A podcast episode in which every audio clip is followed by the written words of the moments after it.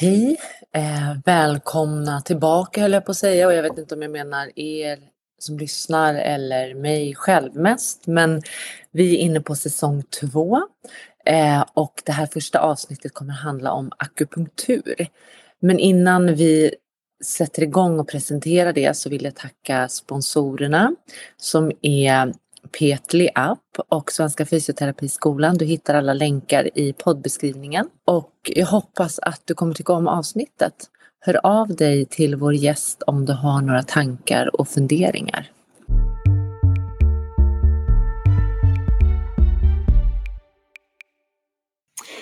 Eh, nu sitter jag här eh, med dig Karo. Det här är första gången som jag har någon med mig. Annars så brukar vi köra över Zoom och andra inspelningsalternativ. Så det här blir jättetrevligt att få sitta face to face. Eh, och med mig är ju inte bara Karo utan det är Karo Halvorsen. Halvorsen mm. från Skåne.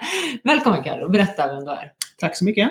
Eh, Caroline heter jag, kallas Karo. Jag eh, flyttade från södra Sverige förra september, eller förra året i september när eh, Frida övertalade mig att eh, ta över hennes lokal här uppe i Åre. Så där bor Forlegs for Life numera. Och jag bor utanför Åre med mina fem hundar som följde med upp hit. Mm. Vad tycker du om våra hundar och kunder i Åre? De är ganska fräscha. Det måste ja. jag säga. Det är, det är ganska så stora, fysiskt stora hundar. Det är mycket jakthundar, mycket draghundar. Eh, och inte så många fryslortar. Nej, det är det inte. Det är inte så många kortbenta hundar. Vi har ju ett väldigt eh, speciellt klientel att säga. Men som sagt, de är väldigt friska. Eller fysisk smärta. Det är inte så mycket övervikt här. Eh, och inte så mycket kortbenta. De har inte så marknära gång. Nej, det går inte när snön kommer i oktober och ligger kvar till maj. Nej, det är ett, annat, ett helt annat hundliv. Jag hade en podd med Sara Wifor där vi pratade om problematiken som hon stötte på som bor i Stockholmsområdet, att man kanske fysiskt understimulerar sin hund. Eh, och kanske överstimulerar mentalt. Och här kan det nog vara lite tvärtom. Att man fysiskt, om det nu går, överstimulerar sin hund eh, men kanske inte har lika mycket fokus på den mentala stimulansen eller berikningen. Håller du med om det? Absolut. Mm. Ja, det är mycket som ska till för att det ska vara perfekt. Men så länge man gör så gott man kan och älskar sin hund och gör det man gör med kärlek så tänker jag att vi alla är förlåtna. Karo nickar om man undrar. Men Karo, du och jag ska prata akupunktur idag. Du är ju hundfysioterapeut eh, och även akupunktör på hund. Berätta om det. Eh, med akupunktur så jobbar man ju efter kinesisk lära eller eh, österländsk lära kallas det. Den är 5000 år gammal. Och det handlar ju om att man går in och återställer balansen och harmonin i hundens kropp. Det gör man själva akupunkturdelen, det gör man ju med nål. Sen jobbar man även med akupressur som är tryck eller svepningar.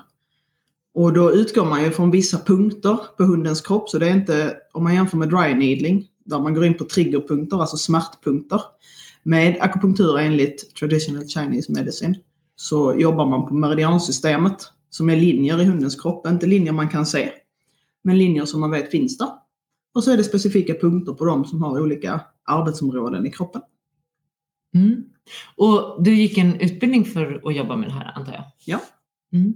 Eller det vet jag att du gjorde. Hur lång var den utbildningen? Den var ganska omfattande förstår jag. Ja, det var den. Den var ju ett och ett halvt år och den var på distans och vi hade en träff i månaden eh, i Västerås. Och det är väldigt, väldigt mycket teori. Om man ska förstå hela den här grejen så hela första terminen var det i princip bara teori. Mm. Och hur kände du dig när du var klar med utbildningen? Kändes det som piece of cake att sätta nålar eller kände du dig lika nervös och osäker och okunnig som man oftast gör när man kommer ut från en utbildning? Man tror att man har fattat det och sen står man där med sin första patient och bara eh, vad är fram och bak nu igen? alltså eftersom att den utbildningen var så lång och vi hade så himla mycket praktik så när man väl stod där på egna ben så kändes det faktiskt ganska så, jag ska inte säga enkelt för det är aldrig enkelt, men det kändes bra. Vi hade ett bra stöd. Och en bra grund i det vi gjorde. Eh, sen är det ju det här när man ska hålla ordning på hela teorin. Det är väldigt ofta man fortfarande nu, det är några år sedan jag gick den här, så får man gå tillbaka och läsa och läsa på lite i böcker och när man hittar ett problem som behöver, där man behöver tänka, då, då bläddrar man i böcker. Men inte det är roligt då? Jag tänker att det är en del av utmaningen i yrket, att man hela tiden måste fräscha upp sig. Alltså så kanske kommer in en hund med en ny åkomma eller en åkomma som man inte behandlat så mycket och så måste man läsa på och så kanske det har dykt upp nya kunskaper och eh, man kanske behöver tänka utanför boxen och ta till fler redskap och verktyg. Och... Ja, absolut. Det bästa komplementet jag någonsin har, eh, har gått in på så är det akupunktur. För man kommer åt väldigt många grejer i hunden. Mm. Kan du, eh, vad jobbar du mest med när du jobbar med akupunktur? Vad, vad, när är det oftast du tar till akupunkturen? Skillnaden här uppe på, på arbetet jag gjorde nere i Skåne var att i Skåne så kom ju folk och gjorde rena akupunkturbehandlingar i, i, mycket större, i ett mycket större sammanhang än vad de gör eh, här uppe i Norrland.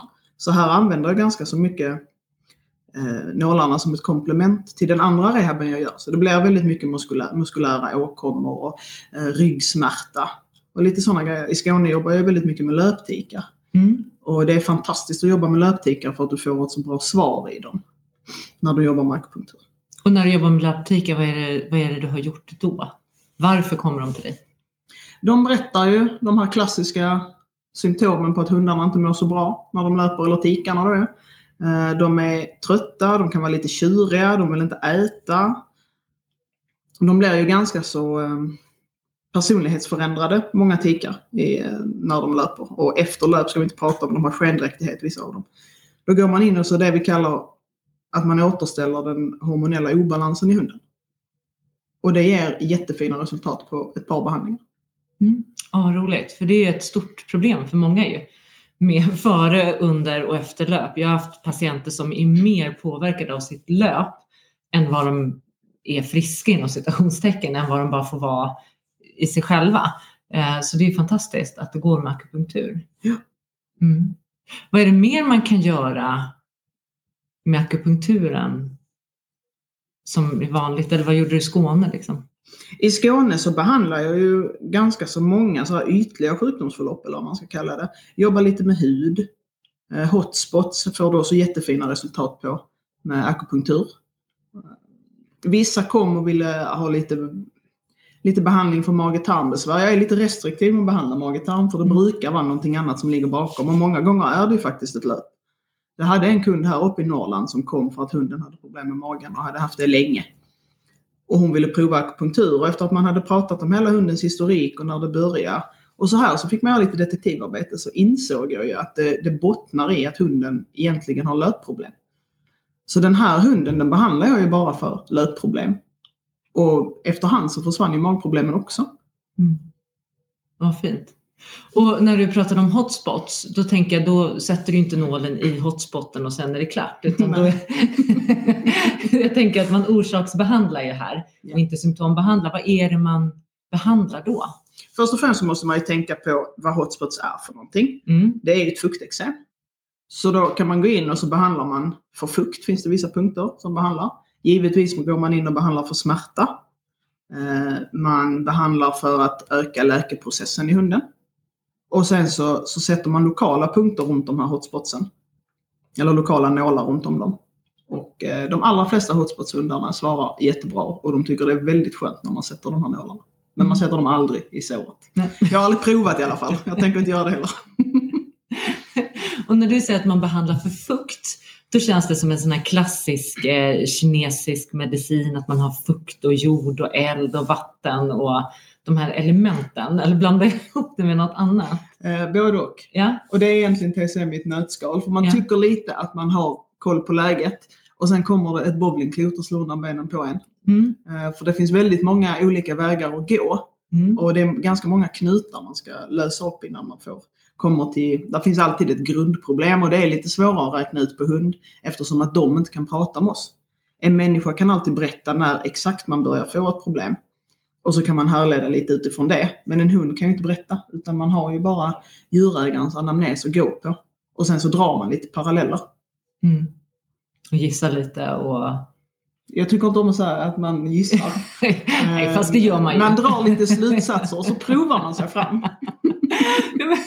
det blir en typ av gissningslek när man, baserat på beprövad erfarenhet såklart och kunskap. Men när man ändå får så här, ja, men jobba med lite uteslutningsmetod och ja, lägga pussel och lägga ett plus ett. Och, Ja. Mm. Alltså som sagt, det är, det är väldigt mycket teori. Mm. Så ju mer man kan om teorin, desto lättare är det.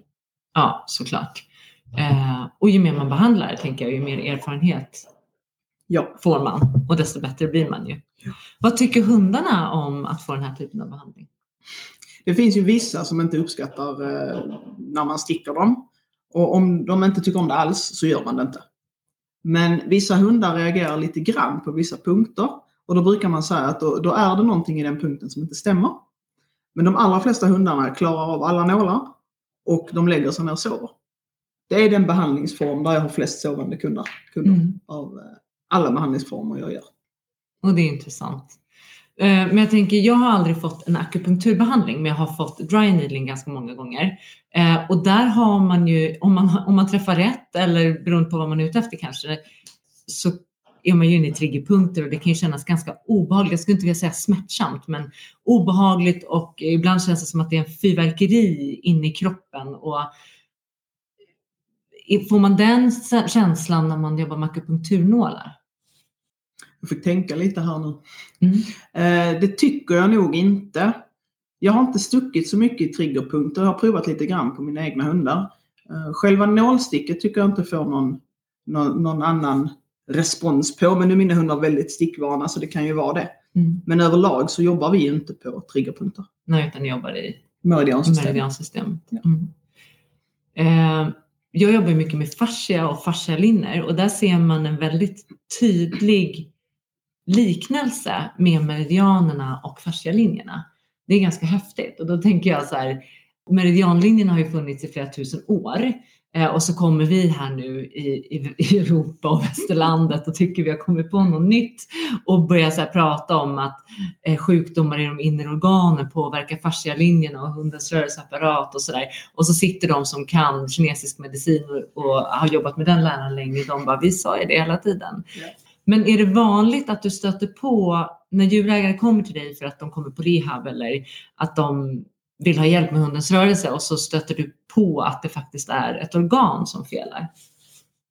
Ja, det har hänt. Men så fort man börjar prata om invärtes organ så ska Mm. man kanske passa sig lite för det är ju faktiskt en, en veterinär Mm. eh, uppgift. Men jag hade en hund nere i Skåne som eh, var väldigt sjuk i sin lever. Och då menar jag levern som organ. Eh, och det syntes ju i den, den och de meridianerna som har med levern som organ att göra. Mm. Det var ganska tydligt. Så jag vet ju att när jag behandlar honom för rörelseapparaten så kommer det ha en liten inverkan på levern som organ. Eftersom att det är samma punkter. Men visste den djurägaren att den var sjuk i sin lever? Ja. Den visste det.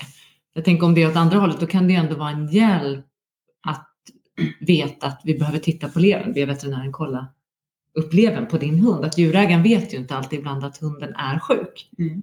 Det tycker jag att jag har varit med om många gånger, att de kanske pratat om att, "Nej, men att tycker varit lite låg på sistone eller verkar lite trött eller att jag har märkt i poolen att hunden kanske inte orkar som den brukar. Eh, och när man börjar kolla journaler en tid tillbaka så ser man att så här har ju vi pratat om nu i fyra veckor. Mm. Det är nog dags att vi tar den här hunden till veterinär. Men då har jag ju ingen aning om vad man ska leta efter. Bara så här, ta alla blodprov som finns. Det brukar inte veterinärerna. Men de har ju såklart koll. Man gör en undersökning och så brukar det lösa sig. Mm. Men när man då kommer med, med, med din kunskap i grunden, då tänker jag att man kan hoppa direkt till ruta fem. Liksom. Ja, det kan man, men det där, man får ju vara lite finkänslig. Ja, de gillar inte det. Nej. nej, det finns ju inte någon djurägare som kan dyka upp på ett djursjukhus och säga att eh, jag vill kolla levern för, för hunden hade ont i vänster baktass. Det sa min fysioterapeut. Det är inte Nej. riktigt så det Det funkar. är inte riktigt så det funkar. Men jag tänker när du har en inarbe- inarbetad relation med veterinären. Vi har ju våra veterinärer som vi jobbar med och som Ja. vi har en relation till och de vet att du kan akupunktur. Då tänker jag att de kanske är lite mer lyhörda för en sån tanke. Du har inte provat kanske? Jag har inte provat här. Nej. Det har jag inte. Nej. Och när jag drog sådana slutsatser nere i Skåne så sa jag väl aldrig att det var på grund av akupunkturen. Nej. Utan det var mer lite annat. Mm. Kanske vi behöver titta på levern bara. Ja. Mm. Mm. Ja, det är svårt det där. Och det är ju ofta ett helt pussel. Jag håller på att skriva ett blogg om det, eh, blogg, blogginlägg om det idag. Jag håller på att skriva ett blogginlägg om det idag. att det, eh, det räcker liksom inte bara rehabba knät om man får in en hund på remiss med en knäoperation eller en, en skada i knät. Det, vi behöver förstå helheten, vi måste se alltihopa. Vi måste hitta orsaken till att knät gick sönder från början. Och det är många lager som behöver skalas av och det är många pusselbitar som måste läggas för att hunden på riktigt ska kunna bli helt frisk på sikt. Eh, tycker jag i alla fall. Jag håller med dig till 100 procent. Vi har ju ändå jobbat med det här i ganska många år nu båda två. Eh, Jag har fortfarande inte stött på en enda korsbandsoperation som är, eller en, en hund som är opererad för korsbandsskada som är likadan som en annan hund som har blivit opererad för korsbandsskada. Nej. Nej, varje korsbandsskada är unik liksom. Och det är fascinerande. Och jag har på alla mina år bara haft en patient som på riktigt hade en korsbandsskada orsakad av ett faktiskt trauma. Mm. Alltså en, en idrottsskada. Sen kan det kännas för djurägarna som att det bara hände. För att det hände i en rörelse när man var ute och gick. Men det har oftast legat och puttrat under en tid. Det är en av de vanligaste orsakerna. Och redan när de kommer in, när det har hänt dagen innan, så är de ganska mycket mindre muskler på det, Mm. det benet med korsbandsskada. Eh, Och då är det ju någonting som faktiskt har legat och grott ett tag. Mm. De gått och avlastat en längre tid. Ja.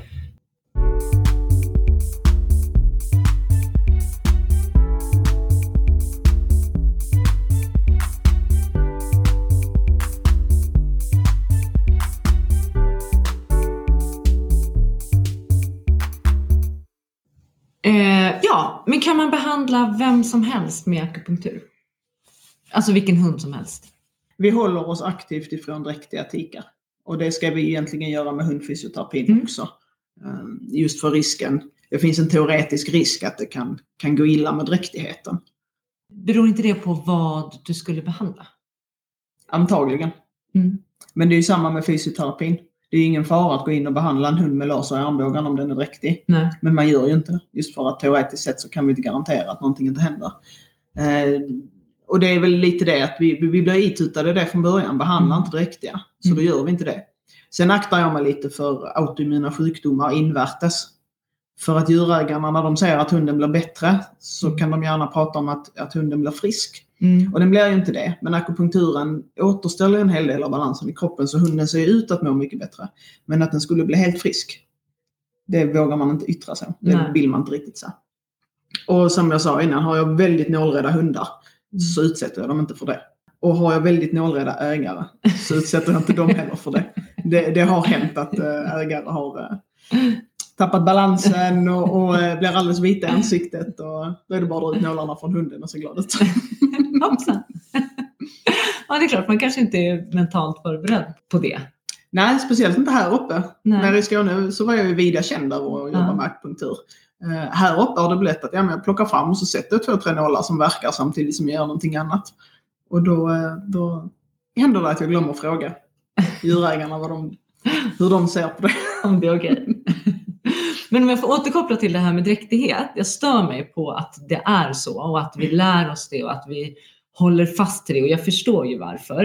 Eh, för det finns som sagt en teoretisk chans att vi potentiellt skulle kunna sätta igång en förlossning. Det är det vi är rädda för. Eller att hunden skulle kunna få missfall eller kasta sina valpar.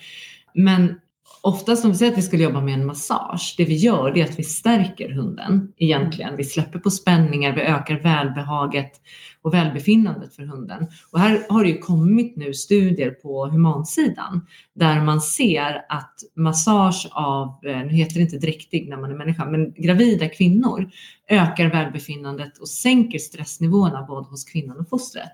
Så att det är gynnsamt att massera mamman. Jag tänker inte referera till den studien för jag orkar inte leta upp den. Det var ett tag sedan jag läste den. Så att ni inte hoppas på några, eh, nå länkar på det. Men men eh, alla som har fått massage, man behöver inte gå in och göra en smärtsam massage som, som triggar stress, men att skapa en god cirkulation eller att släppa på smärttillstånd och sånt där.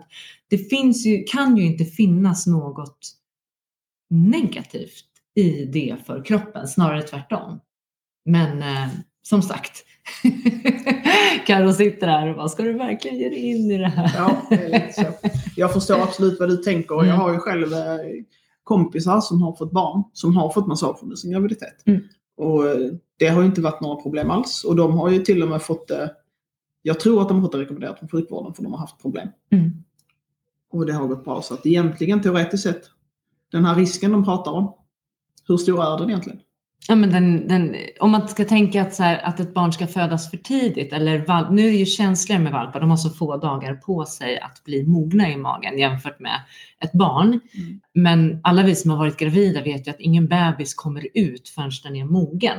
Om det inte är så att det är något som inte stämmer. Då kanske de har lite mer bråttom ut. Men annars, om barnet har det bra där inne och alla har det gött och fint, då är det ingen bebis som kommer ut förrän den är redo att komma ut och spelar ingen roll alla knep man tar till. Liksom. Och Mm. folk har ju till och med försökt med akupunktur för att få ut bebisar. Ja. Eh, och det kommer inga bebisar för att bebisen har ingen lust. Sen är väl kanske risken eh, när, när fostret precis, alltså första trimestern. Men samtidigt där, om allt är som det ska, allt funkar, då borde chansen vara, eller risken vara väldigt liten. Nu är det inte så att vi sitter här och uppmuntrar till att behandla dräktiga tikar. Eh, verkligen inte. Men jag tycker att det är en diskussion som vi kanske borde ha i branschen och med sakkunniga lite mer. Det är så lätt att man bara, nej det gör vi inte och sen reflekterar man inte över det. Mm. Och så kanske hundar går och lider i onödan när vi skulle kunna lindra besvär. Sen är akupunktur lite mer invasivt eftersom vi penetrerar hud och vi jobbar Mm. väldigt, väldigt kraft, eller vi, du, det är ett väldigt kraftfullt redskap jämförelsevis med en massage till exempel. Med. Men det måste ju finnas, man jobbar väl med smärtlindringspunkter och sånt, det måste man ju kunna. Ja, alltså inom sjukvården så jobbar de ju mycket, med- på humansidan då, så jobbar de ju mycket med akupunktur på, eh, för att hjälpa kvinnor som har eh, smärtor under Mm. förlossningen. Och vad jag vet så är det väl inte så många ungar som har ploppat ut för tidigt på grund av det. Nej, vissa hade kanske önskat att det vore så. Öroninflammationer och akupunktur. Ja, är jättekul. Ja. Det ger jättefina resultat. Och det handlar om att man pratar om att återkommande öroninflammationer, då sitter grundproblemet i den meridianen som är kopplad till öronen. Då går man in och behandlar på den meridianen samtidigt som man behandlar eh, det finns punkter som behandlar hela huvudet och då behandlar man dem. Och sen så finns det givetvis smärtpunkter som man också går in och behandlar. Och man får väldigt fina resultat på öron. Man sätter lokalt runt örat också. Många gånger så kommer ju ett eh, återkommande öroninflammationer på tikar när de löper. Och det är här det blir riktigt intressant för det är samma meridian som har med löpet att göra som har med öronen att göra. Mm. Och vart löper den, om du ska försöka förklara, vart löper den meridianen genom kroppen? Den löper på insida bakben från tassen och så går den upp i hundens, typ i hundens ljumske, ner under eh, bröstet och slutar mellan frambenen. Och det, den är kopplad till örat liksom? Ja. Intressant. Ja, visst är det. Ja. Det är jätteintressant. Så det är li- lite intressant när man pratar med djurägare och hunden har öroninflammationer. Så bara, men det kan, vi, det kan vi behandla med akupunktur och så sätter jag nålar i hundens bakben. ja. Då tror de att man är en riktig wicca. Det är något fel på hon från Skåne. Ja. Och vad tycker, eh, vad tycker veterinärerna om att du behandlar öroninflammationer? Det vet jag inte. Nej, vi frågar inte. Nej. Nej. Nej. Och jag tänker om, så länge hunden blir frisk och det inte blir värre. Ja. Om det inte hjälper, då behöver man ju såklart söka vård också. Ja. Eh, och är det ett superakut läge och hunden har svinont, då kanske man också ska söka vård. Många gånger de hundarna jag träffat så är det att djurägaren i förbifarten nämner att de brukar ha öronproblem. Eller jag är en sån jobbig jäkel när jag kollar på hund att jag tittar i öronen och nosar i öronen och tittar i munnen och så. Och så brukar jag ställa lite frågor om hundens allmäntillstånd, inte bara muskler och leder och så. Eh, och så nämner de att den brukar ha lite öronproblem. Då kan jag sätta några nålar i slutet av behandlingen just för att understödja öronen. Och den här grejen. Och eh, de brukar vara väldigt nöjda. Vad roligt. Det, är- jag tänker att mediciner har ju också en biverkan. Och, och som du säger, kroppen vill ju alltid hitta tillbaka sin, till sin balans och läka sig själv. Så kan vi hjälpa dem med det utan att vi behöver ge massa mediciner och skapa andra tråkigheter så är det fantastiskt. Ja. Finns det andra orsaker än att bara stök i meridianen? Jag tänker att vi pratar nedsatt immunförsvar och sådana saker. Ja, ja, oh ja, det kan det vara. Många av de här hundarna hamnar ju i stora allergiutredningar också. Så att det kan vara väldigt mycket grejer som ligger bakom just öronproblem. Som Mm. verkar vara en väldigt enkel grej. Sen så har vi ju raser som inte har världens bästa öron för att främja sin öronhälsa. Ehm, Det är en annan grej man måste tänka på. Hur man behandlar dem och vilken in- input man ger de djurägarna. Ja precis, och det kanske är viktigt, nu lägger jag ord i munnen på det, men att ta med sig att går man till Karo eller en annan akupunktör så ställer ni en, en omfattande liksom, frågestund innan och försöker få en ordentlig anamnes och försöker hitta så att ni inte bara behandlar sjukdomstillstånd hit och dit utan att man gör en avvägning om hunden ska till veterinär eller om det är någonting som ni kan behandla. Ja. ja. Så man har med sig det.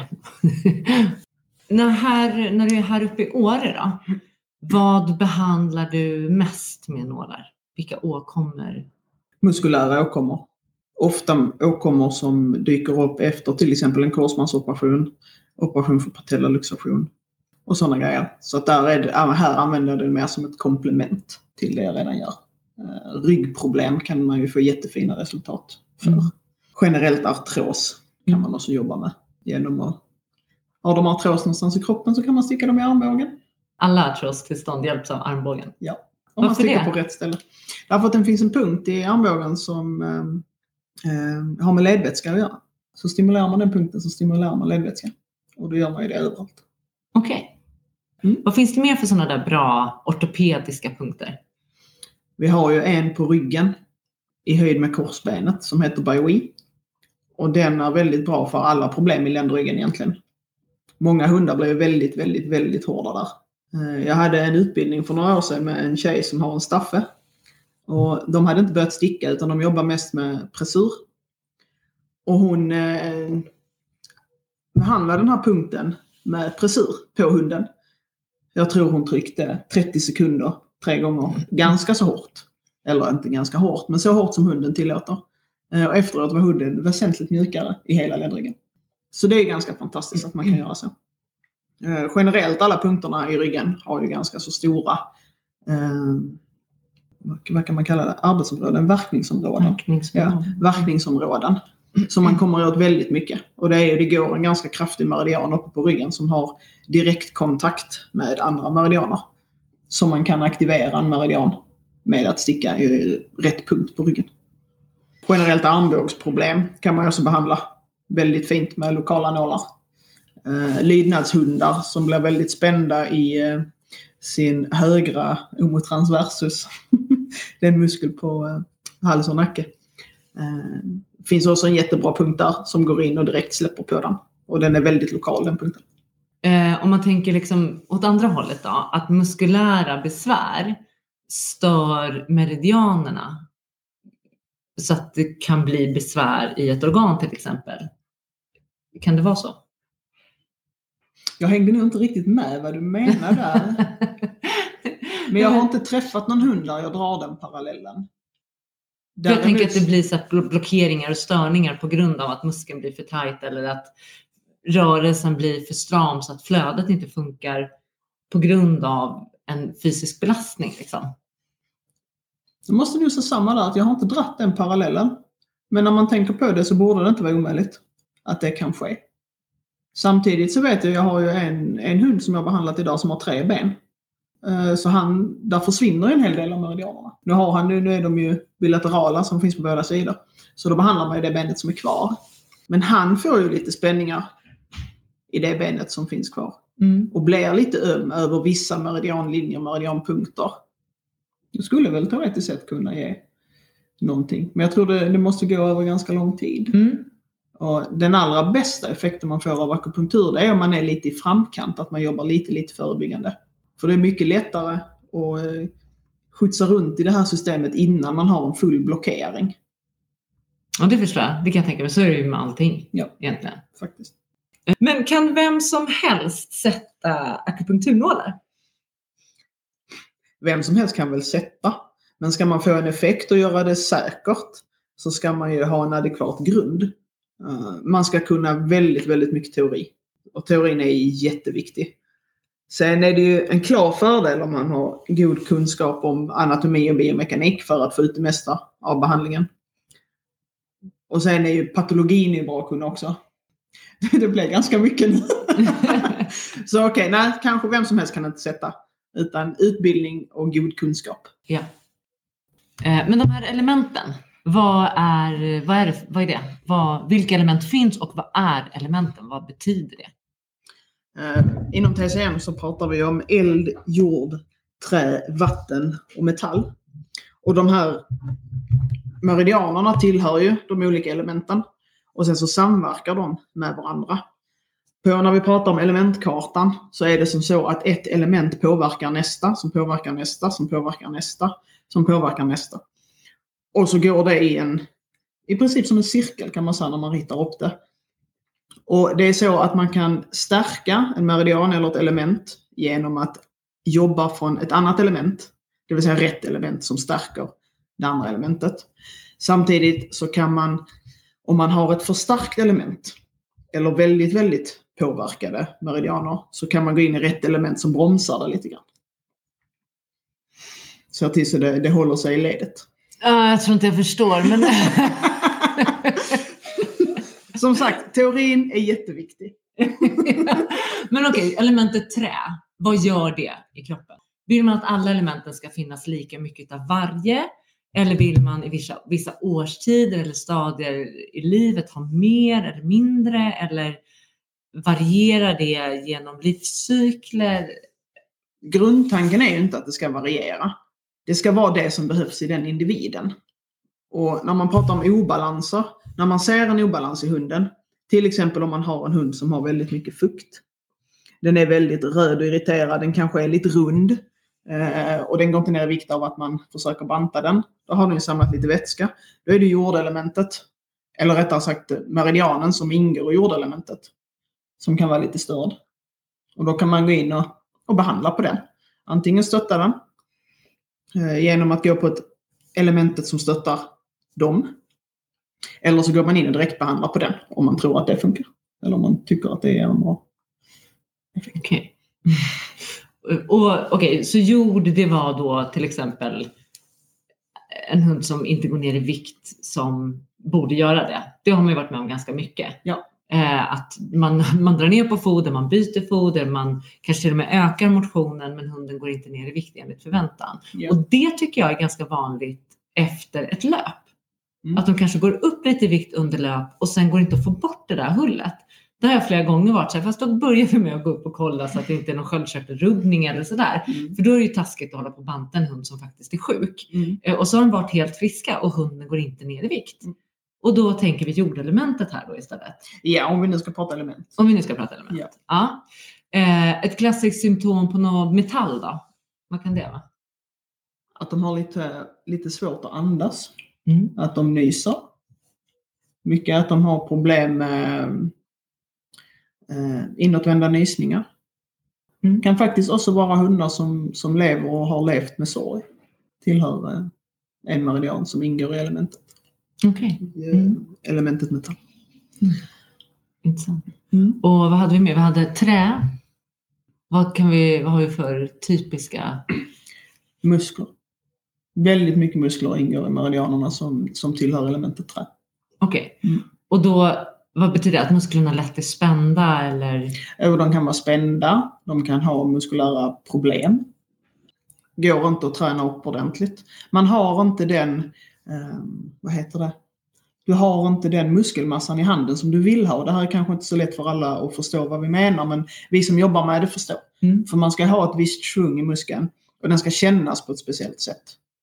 Och då tänker jag så här, de här hundarna till exempel som ibland känns som att muskeln är lite urholkad eller urvattnad och lite trådig och mm. spänd. Eh, så det är inte det att den inte används, utan den används men den används på fel sätt och kanske att vi har en atrofi i kombination med saker och ting. Mm. Behöver vi jobba lite med träelementet här då? Ja, okay. det kan man göra. Det är mycket det elementet jag jobbar med mm. när jag jobbar med um, till exempel få tillbaka en hund efter en korsbandsskada. För att de har ju ofta en ganska så stor muskelatrofi på det opererade benet. Och för att ge en bättre rehab och en bättre rehabplan så är det väldigt ofta jag går in och jobbar med de här meridianerna som tillhör eh, träelementet. Och sen hade vi Vatten. vatten. Vatten behöver vi mycket av. Ja, Men vatten går inte som fukt, utan jord går som fukt. Ja. Ja, det har med meridianen att göra. ja, ja. ja. Det, det är det här jag menar, man tycker man har koll på läget. och sen kommer bowlingklottet. Och jag är bara precis uppe på, på ytan ja. Jo. med det här, eller inte ens ytan, jag är en droppe i Atlanten när jag pratar om det här. Det är väldigt mycket mer lager och grejer man kan, Mm. kan läsa på om detta för Mm. att riktigt förstå det. Eh, inom vattenelementet så ligger ju den meridianen där vi brukar säga det är grunden till allting. Och det, det, det är liksom, har vi problem i den meridianen så får vi problem med allting annat. Mm. För där ligger det, det som vi föds med.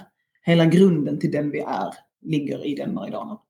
Så om vi föds med lite dåligt, i, i västvärlden så kallar vi det DNA. Om vi föds med, med dåliga gener och dåligt DNA så är det ju den här meridianen som är svag redan från början. Och vad kallar man det i kinesisk medicin om det inte kallas DNA? Qi. Mm. Va? För jag trodde qi var liksom energi och livskraft.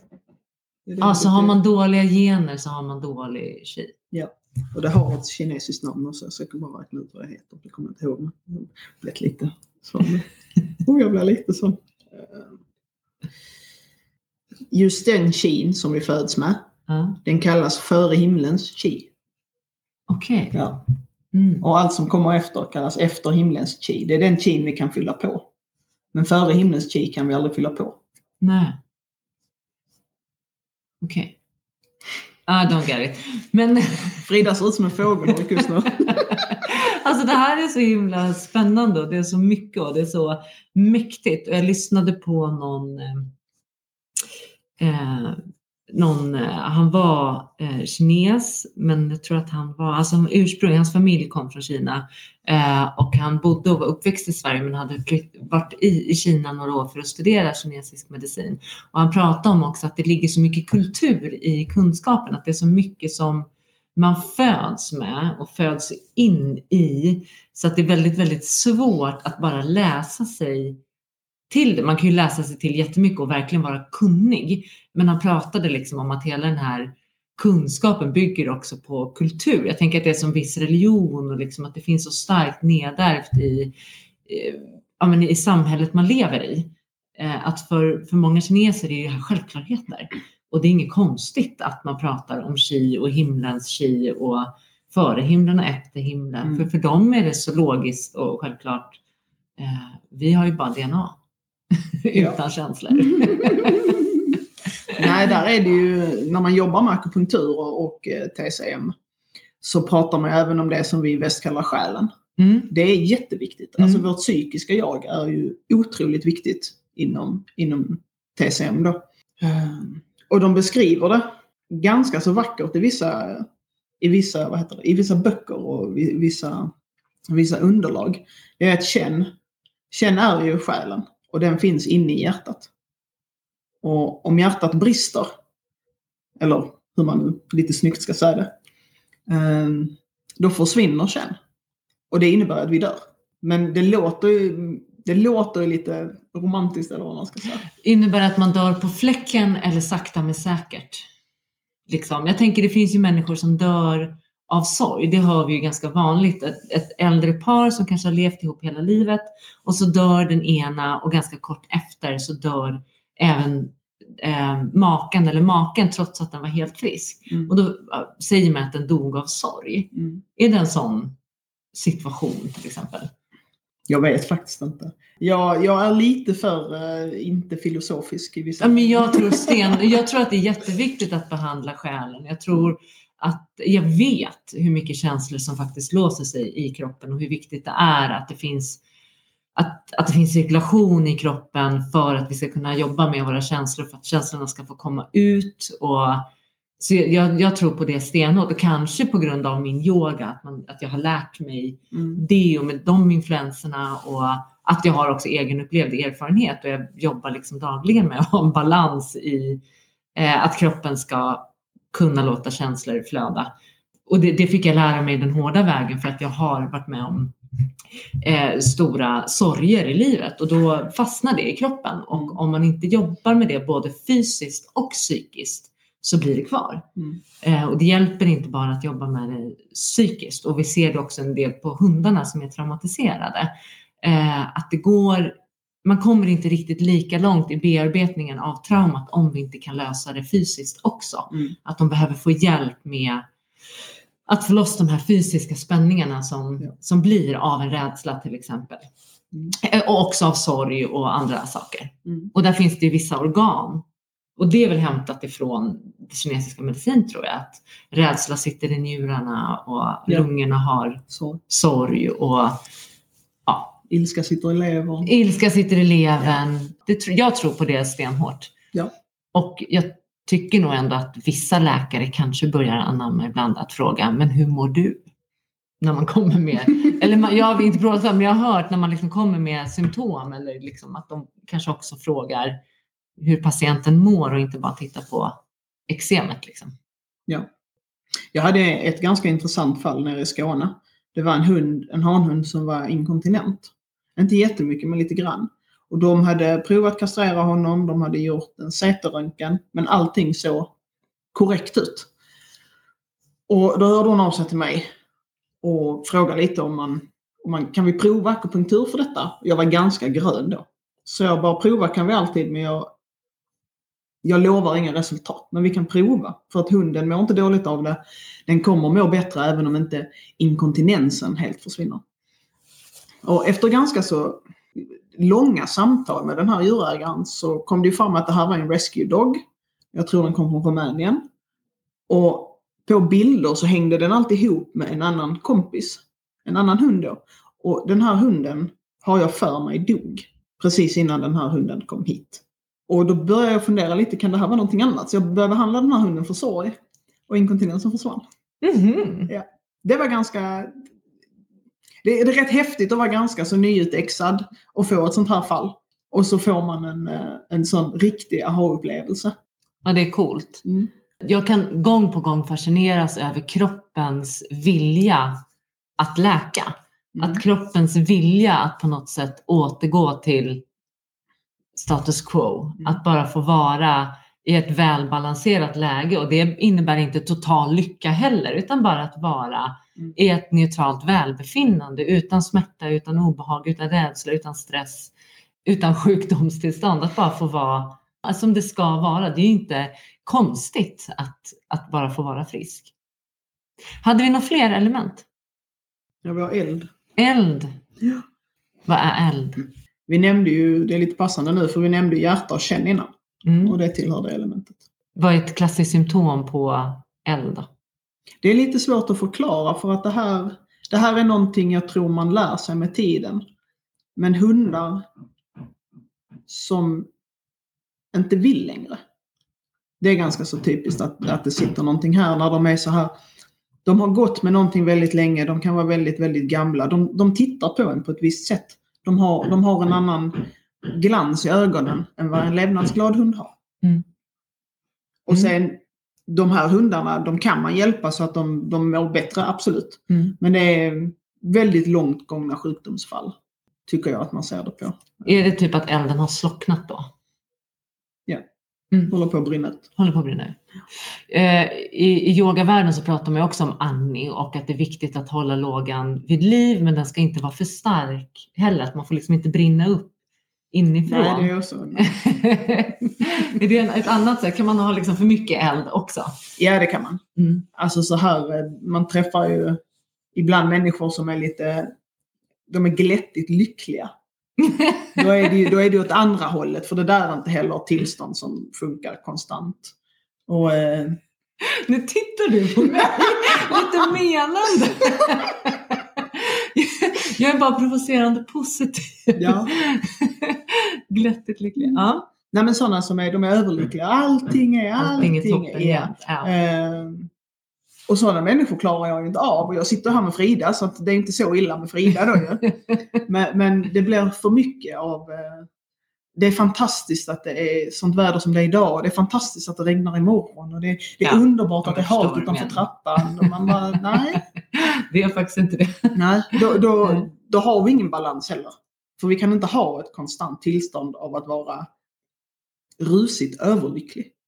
Nej, jag hörde om en forskare som pratade om det där, att vi kan inte vara rusigt överlyckliga eller extremt förälskade i längre än tre månader. Kroppen orkar inte det. Efter tre månader så går vi tillbaka till något normaltillstånd för att sen ta ny sats och kanske känna oss överväldigande lyckliga igen.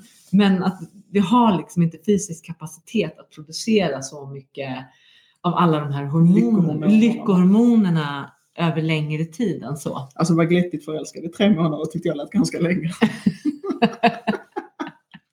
hade jag inte fått mycket jobb gjort om jag hade varit sån. Nej. Vilken meridian skulle du behöva jobba på för att kunna känna dig förälskad lite längre?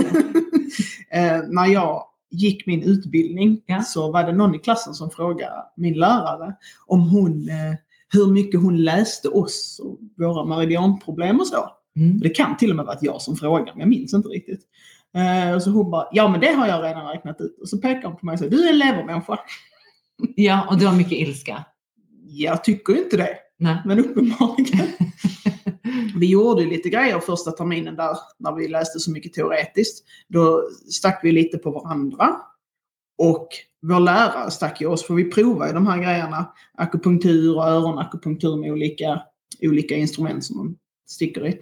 Och när hon stack mig leverpunkten i örat så svor jag en sån radda så hennes man kom ut från kontoret och undrade vad jag höll på med. Hon satt bara och skrattade. Ja. Hon var tydligen van vid att man burstar ut. Men eh, jo, generella leverpunkter på mig är ömma. Och är inte så goda att sticka i.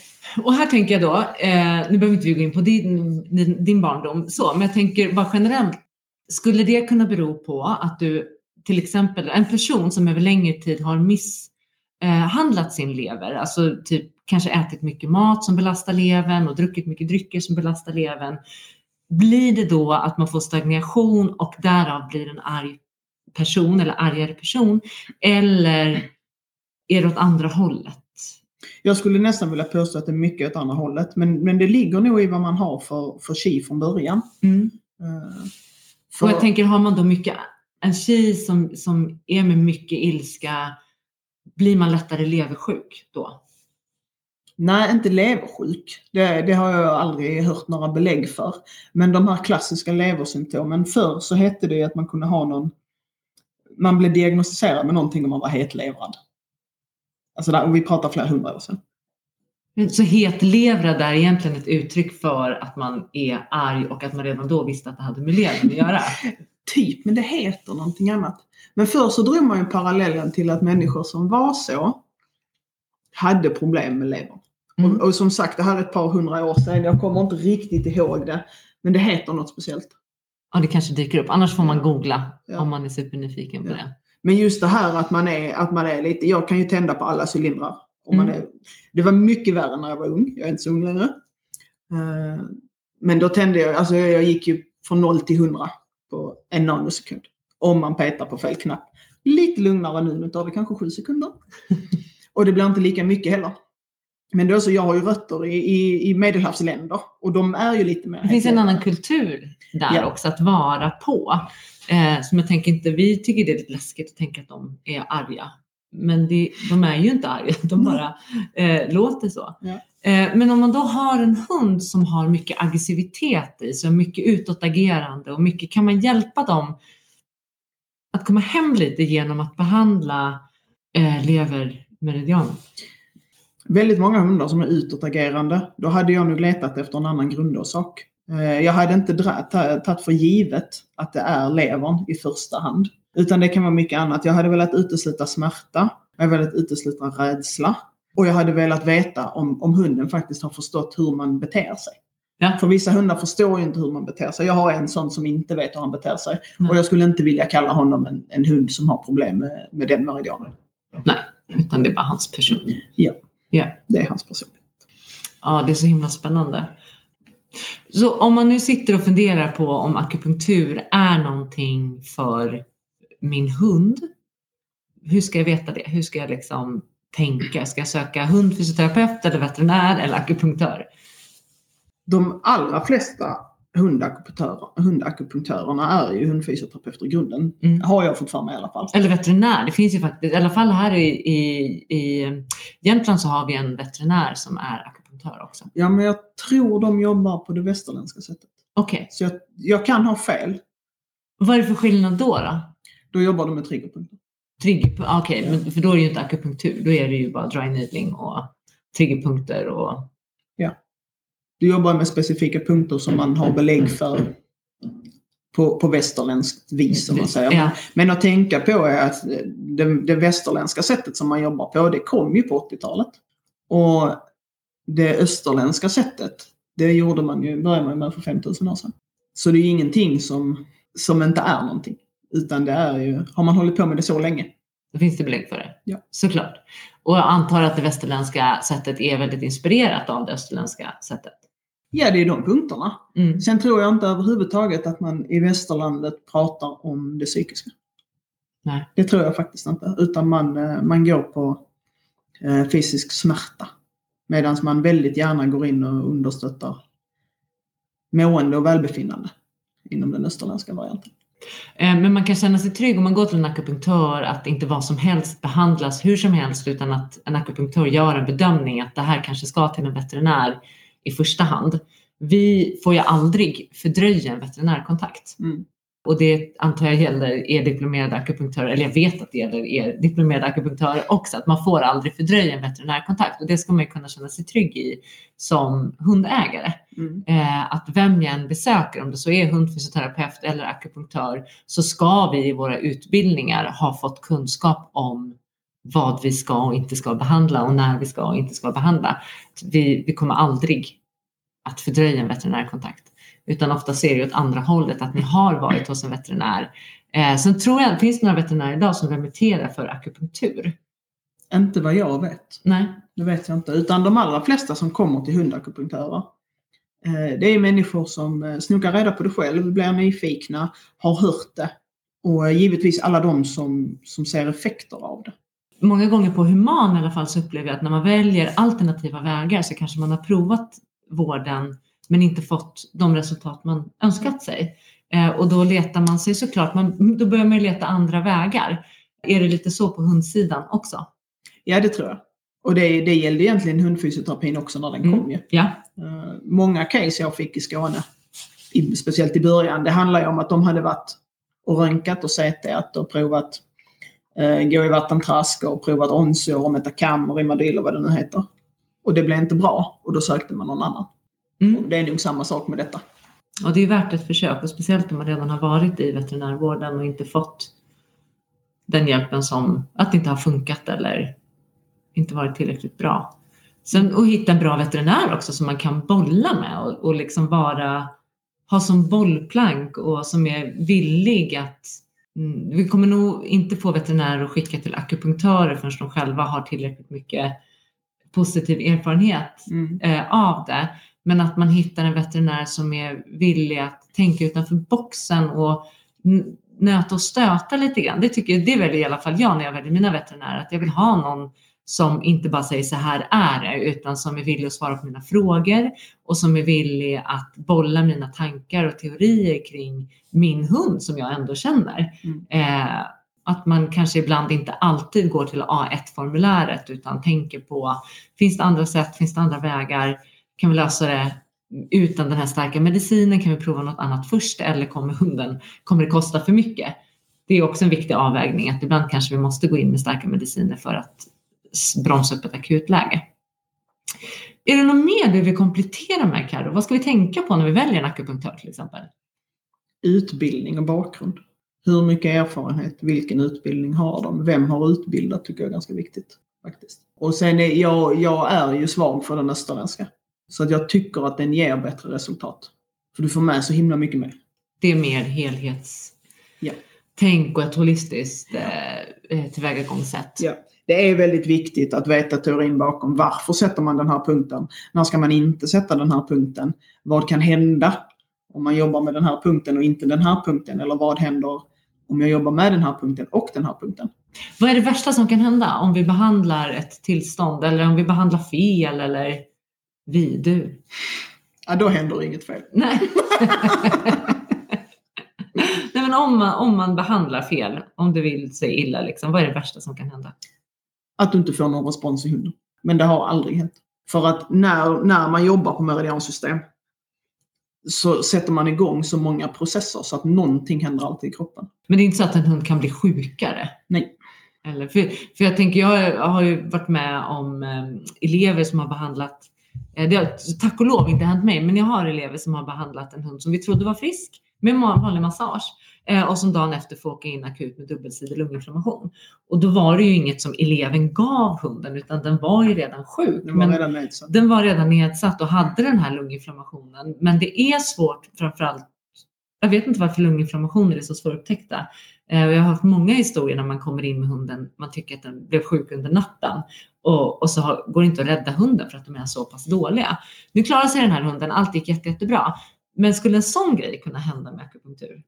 Det var det jag var och fiskade efter. Mm. Är det liksom, behöver vi vara rädda för det när vi går med våra hundar till en akupunktör?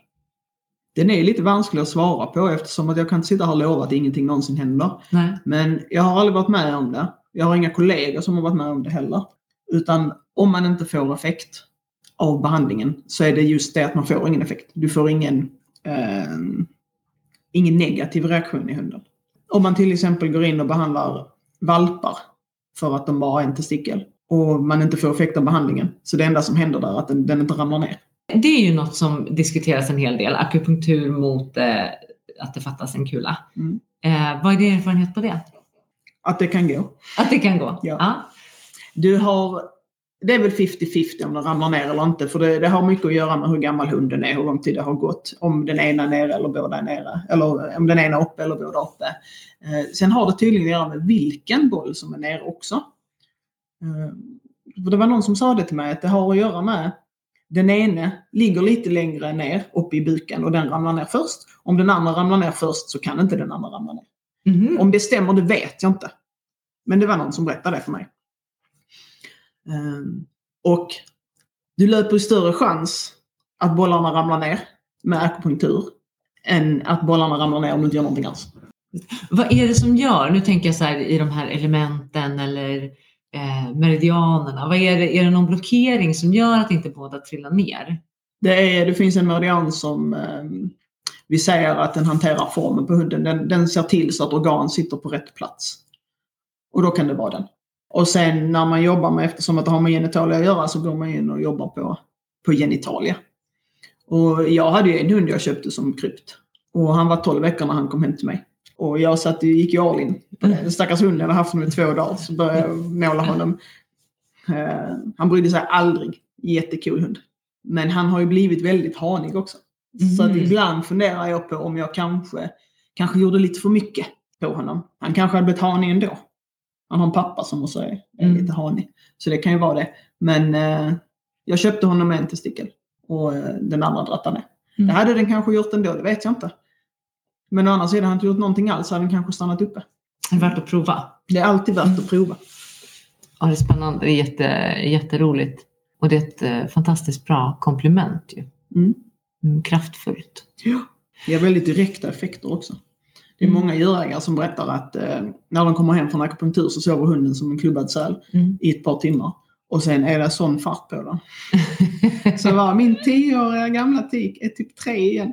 Ja, det är väl fantastiskt. Det är fantastiskt. Det är så härligt Mm. att höra sådana historier. Du Karo, om man vill komma i kontakt med dig, Ja, hur gör man? man skriver på Facebook eller skickar ett mejl eller ringer. Eh, kanon! Stort tack för att vi fick låna dig och vill man ställa frågor så kontaktar man dig Ja, antar jag. Och du finns i Åre ja. eh, om man vill boka tid. Och ibland i Skåne åker du hem och härjar.